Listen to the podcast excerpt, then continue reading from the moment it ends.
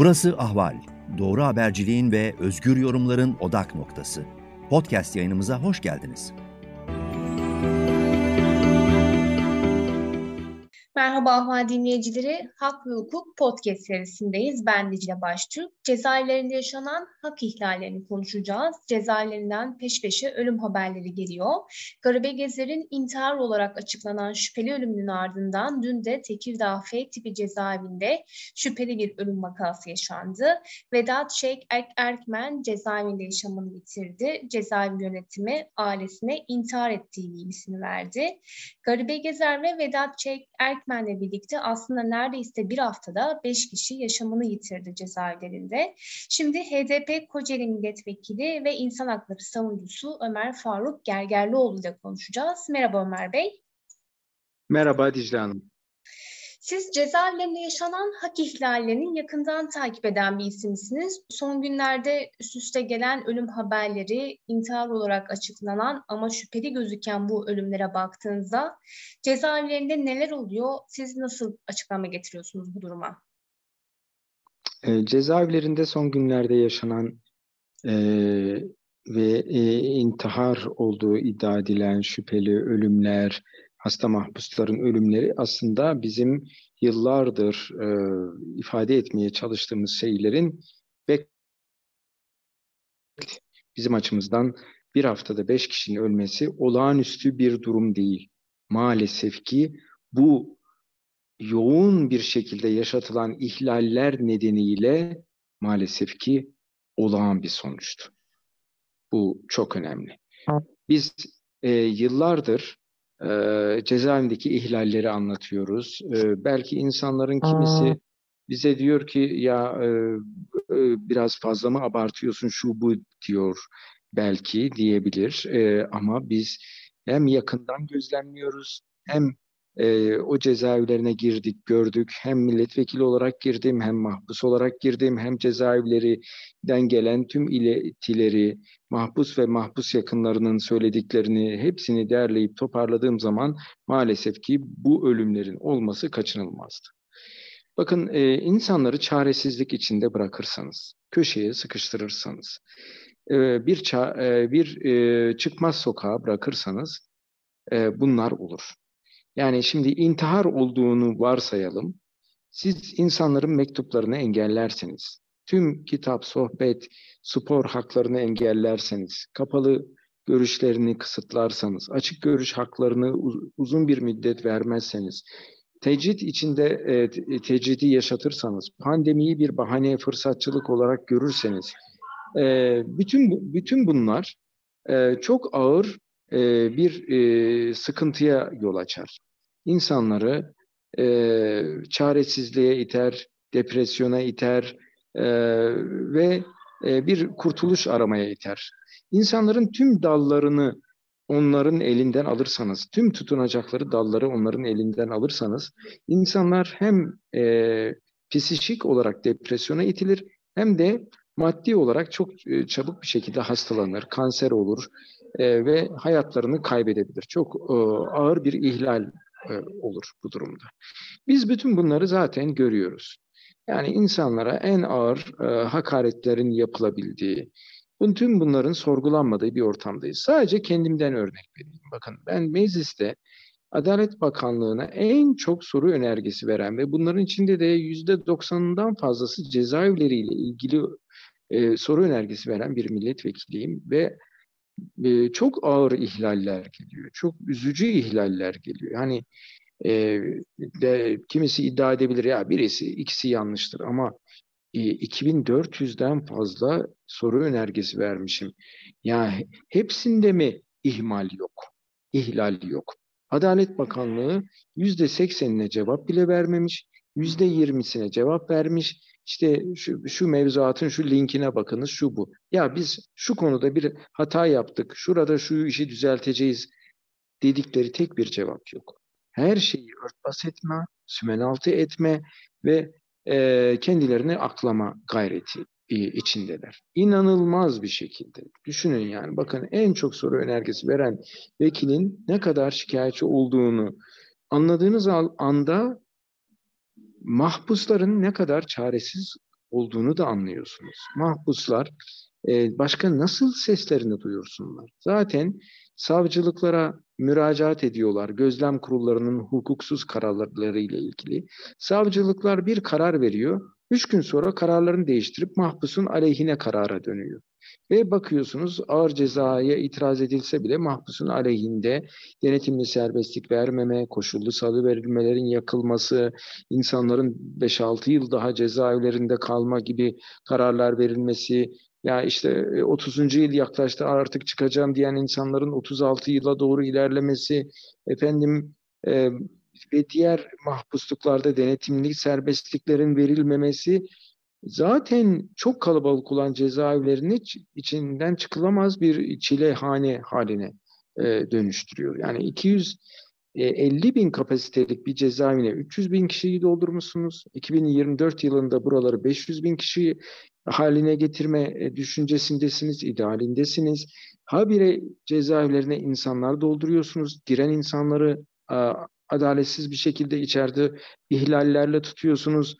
E, süreleri geldiği halde onları dışarı çıkartmıyorsunuz. Sağlık hakkı ihlallerini yoğun bir şekilde yapıyorsunuz. Bakın en ağır ihlaller de sağlık haklarında oluyor. Yani bir insan niye intihar eder? Bir depresyon düşüncesi vardır. Depresyona girmiştir, belli etmiyordur. Çevresine bile intihara karar verir. Kimse onun önüne çıkamaz, engelleyemez. Bu böyledir. Çok rahat iste, isteyen istediği anda çok rahat intihar edebilir. Veyahut da e, bir sürü sıkıntılarla uğraşan bir insan çok çabuk kanser olur, diğer hastalıklara yakalanır. Zaten bu tür hastalıklara yakalandıktan sonra bunların teşhisi, tedavisi e, ve daha sonra da artık iyice ilerlediği zaman infaz erteleme alıp tahliye edilebilmesi çok zorlaşır. Bütün çileler buralarda çekiliyor. İnsanlar yeterli zamanda teşhis edilemiyor, tedavi edilemiyor ve ya ölüm deşeğinde ya tabutta tahliye ediliyorlar.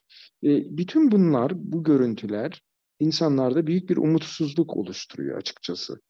Hani e, disiplin cezaları veriliyor. Bakın Garibe Gezer olayında ağır disiplin cezaları 8-9 tane cezaevi dolaşmış bir kadın, genç bir kadın 28 yaşında hayatının baharında büyük bir aile travması zaten yaşamış. Bu halde cezaevine girmiş e, ve ondan sonra da cezaevinde kötü muameleler uğramış, cezalar aldıkça almış, tek kişilik hücrelerden çıkamamış, intihara teşebbüs etmiş. Bütün bunlar görülmeyip e, e, ondan sonra tek kişilik hücre cezaları devam edilmiş ve sonunda bu kişinin hayattan bağı kopmuş. Hı hı. Yani yazdığı mektuplarda da bunlar ortaya çıkmış. Hani durup dururken olan bir olay değil ki. Bir insan durup dururken intihar etmez. Bir insan e, e, durup dururken hasta olmaz. Bütün bunlar bir sürecin sonucu. Hani o yüzden ben özellikle hani tabii ki intihar deniliyor. Bunlar araştırılır. E, ardında başka bir kötü niyet şu bu var mı bilemeyiz. Onlar araştırılır ama şu an intihar olduğu varsayımından hasta mahpus oldukları varsayımında hareket ettiğimiz zaman zaten beklenen bir sonuçtu diyoruz. Hı hı. Siz hasta tutuklulardan, hasta mahpuslardan bahsettiniz. Şimdi İnsan Hakları Derneği verilerine göre de e, cezaevlerinde 604 adli ve politik e, tutuklu e, cezaevlerinde ölümü bekliyor. E, mesela e, HDP'li siyasetçi Aysel Tuğluk için yapılan sosyal medya kampanyaları sonuç vermedi ve şimdi kendisinin e, karantinada e, tek kişilik hücrede e, tutulduğunu biliyoruz. E, ne dersiniz siz e, bütün bu hasta tutuklulara yönelik e, bu direnci nasıl değerlendiriyorsunuz? Hükümetin bu anlamdaki politikası nedir? Amacı nedir? Ne dersiniz? Burada politik bir tavır var. Hani tamam insanları belki adil belki adil olmayan yargılamalarla ağır cezalarla cezaevlerine atmışsın.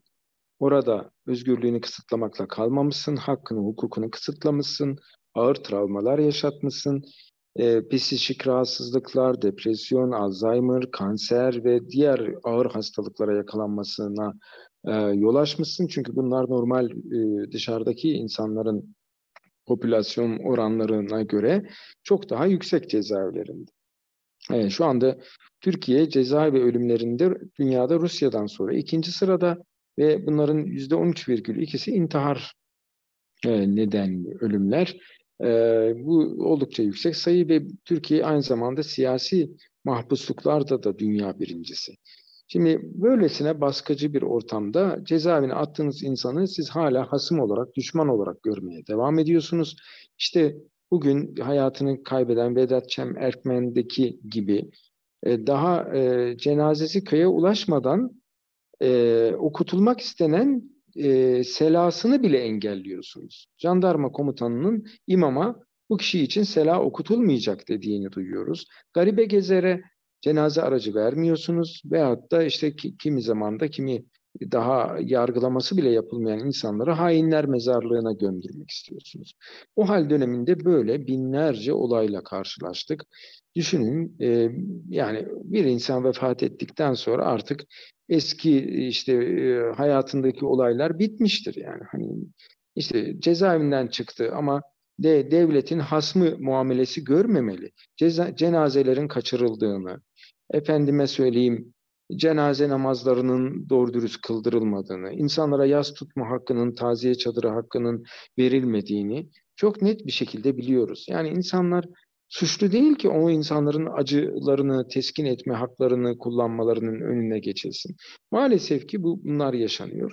Aysel Tuğluk vekilimiz de yine ağır e, travmalar sonucu annesini gömdürdüğü mezarından e, vahşi bir takım mahlukatların e, o me, o e, kadını o mezardan çıkarıp işte yakacağız, e, şey yapacağız, şu bu gibi naralarını duyunca tabii ki bir insan annesini mezarda bırakamaz, alıp e, Ankara'dan Dersim'e gitmek zorunda kalmıştı.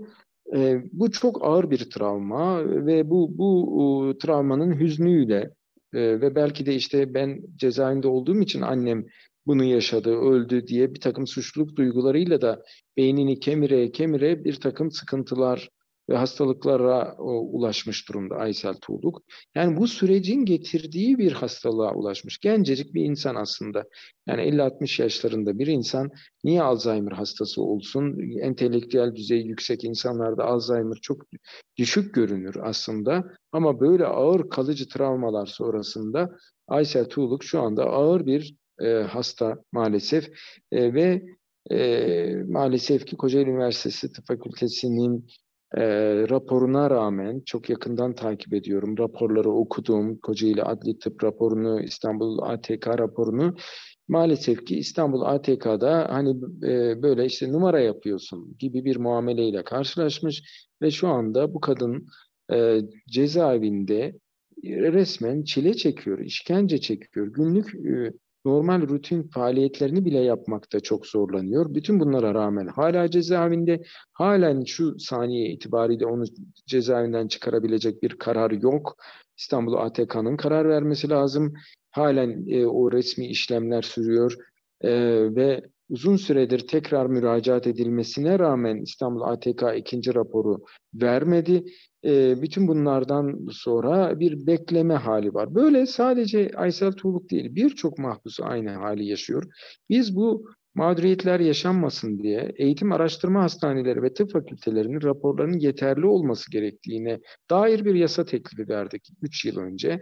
Çünkü çok büyük e, sıkıntılar ve üzücü olaylarla karşılaşıyorduk. İstanbul ATK'nın bu konuda son karar merci olmaması, siyasi bir kurum olan İstanbul ATK'dan önce tıbbi kurumlar olan e, üniversite ve eğitim araştırma hastanelerinin raporlarının geçerli olması gerektiğini söyledik. Yani düşünün bir doktorun raporuna niye itibar etmezsin?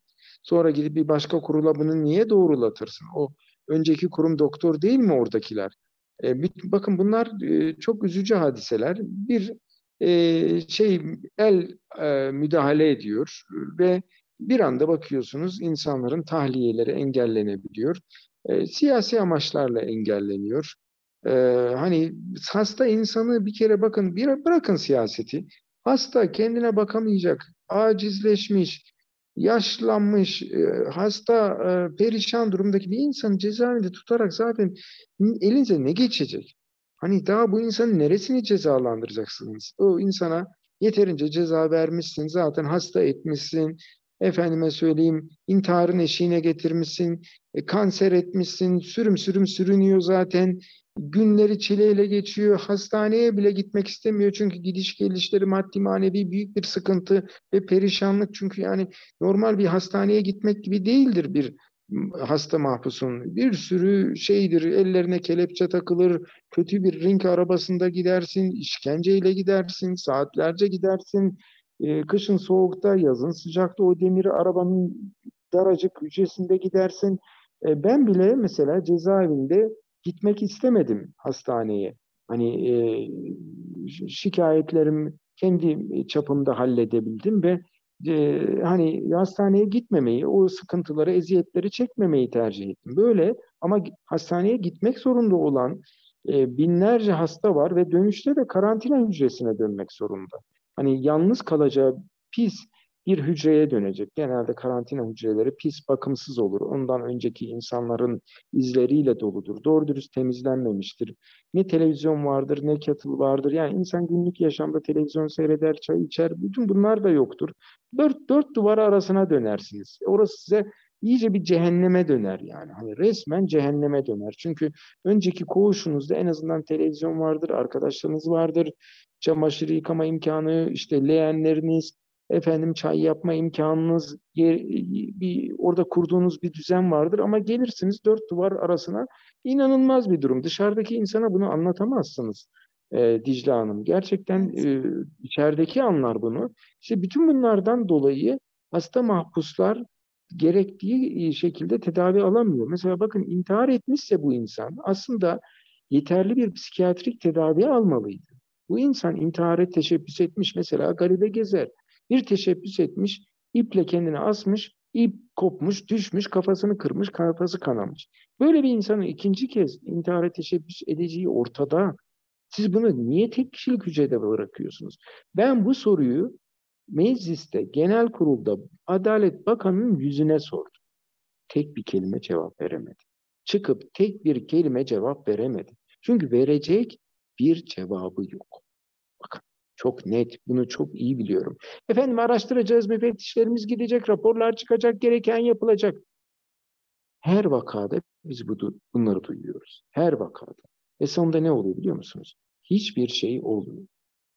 Benim uğradığım mağduriyetler nedeniyle beni kardeş vekil olarak e, kabul eden e, Avrupa Parlamentosu raportörü e, Nacho Sanchez Amor Türkiye'ye geldiğinde benimle görüştü. Bana Türkiye'de ya beyaz plastik sandalyede ölen mahpuslar var. Ne oluyor, ne bitiyor, durumları nedir, cezaevlerinizde neler oluyor diye sorduğunda hani açıkçası yani Türkiye'de Adalet Bakanlığı, bakan, bakan gibi bir şey yok ki demek istedim.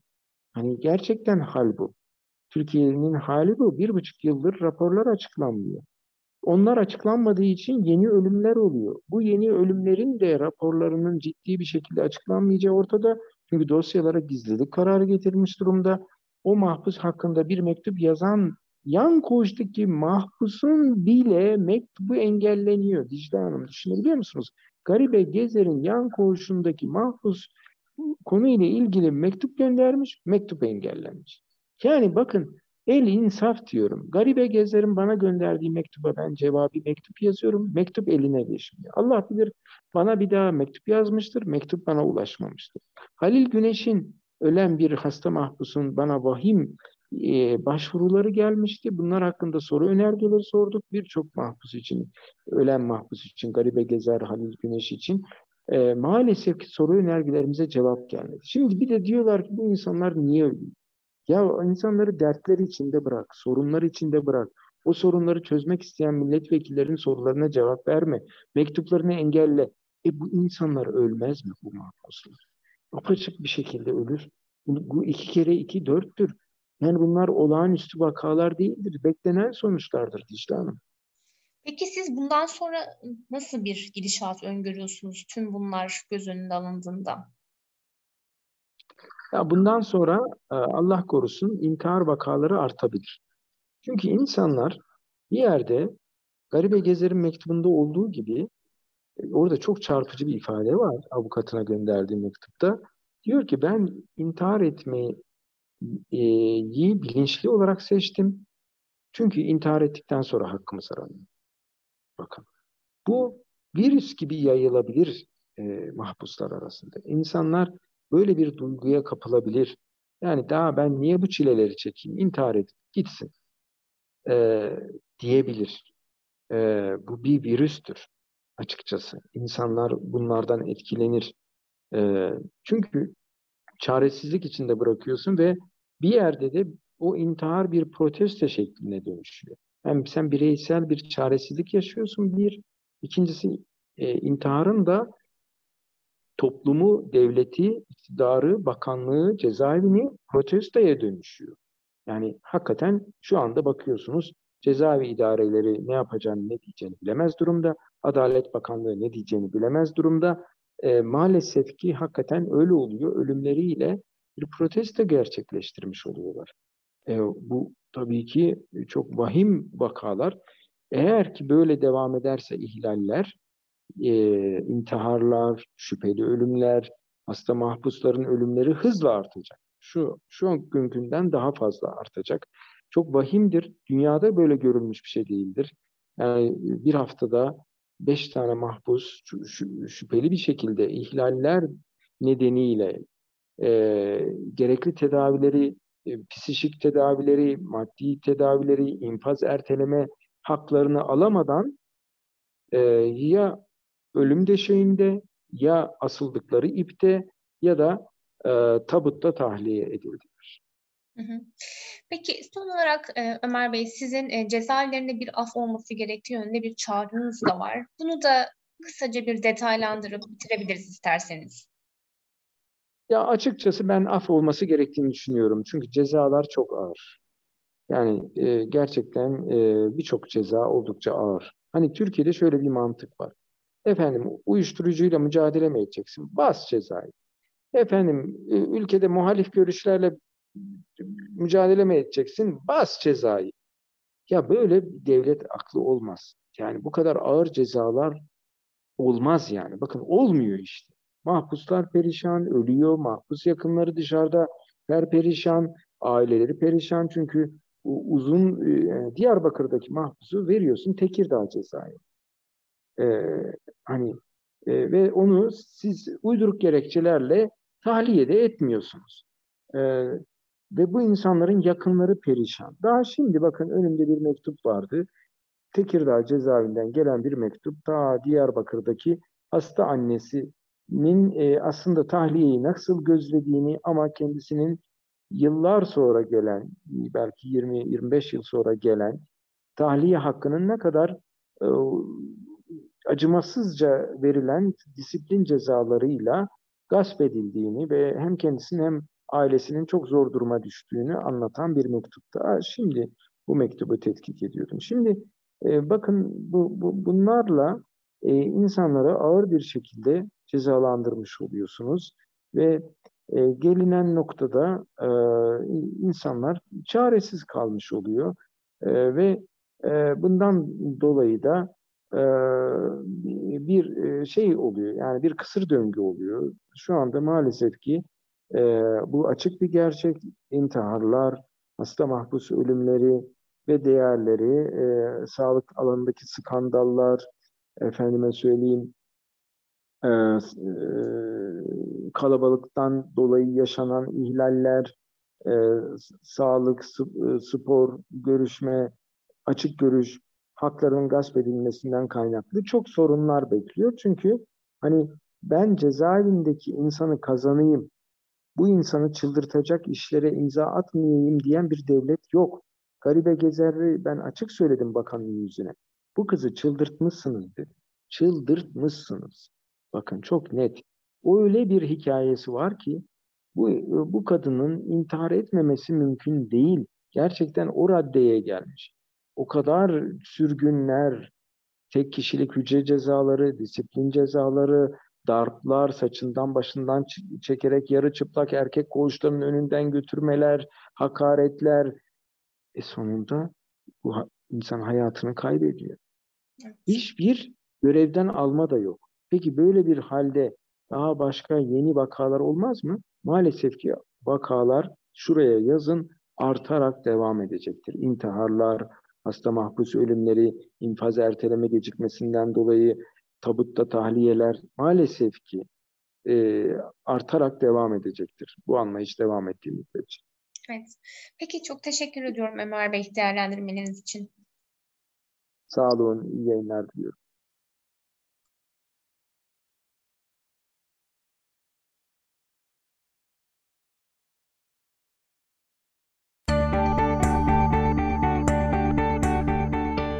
Ahval podcastlerini tüm mobil telefonlarda Spotify, SoundCloud ve Spreaker üzerinden dinleyebilirsiniz. Apple iPhone kullanıcıları bize iTunes üzerinden de ulaşabilir. Türkiye'nin ve hayatın cıvıl cıvıl sesleri Ahval Podcast dizisinde. Kulağınız bizde olsun.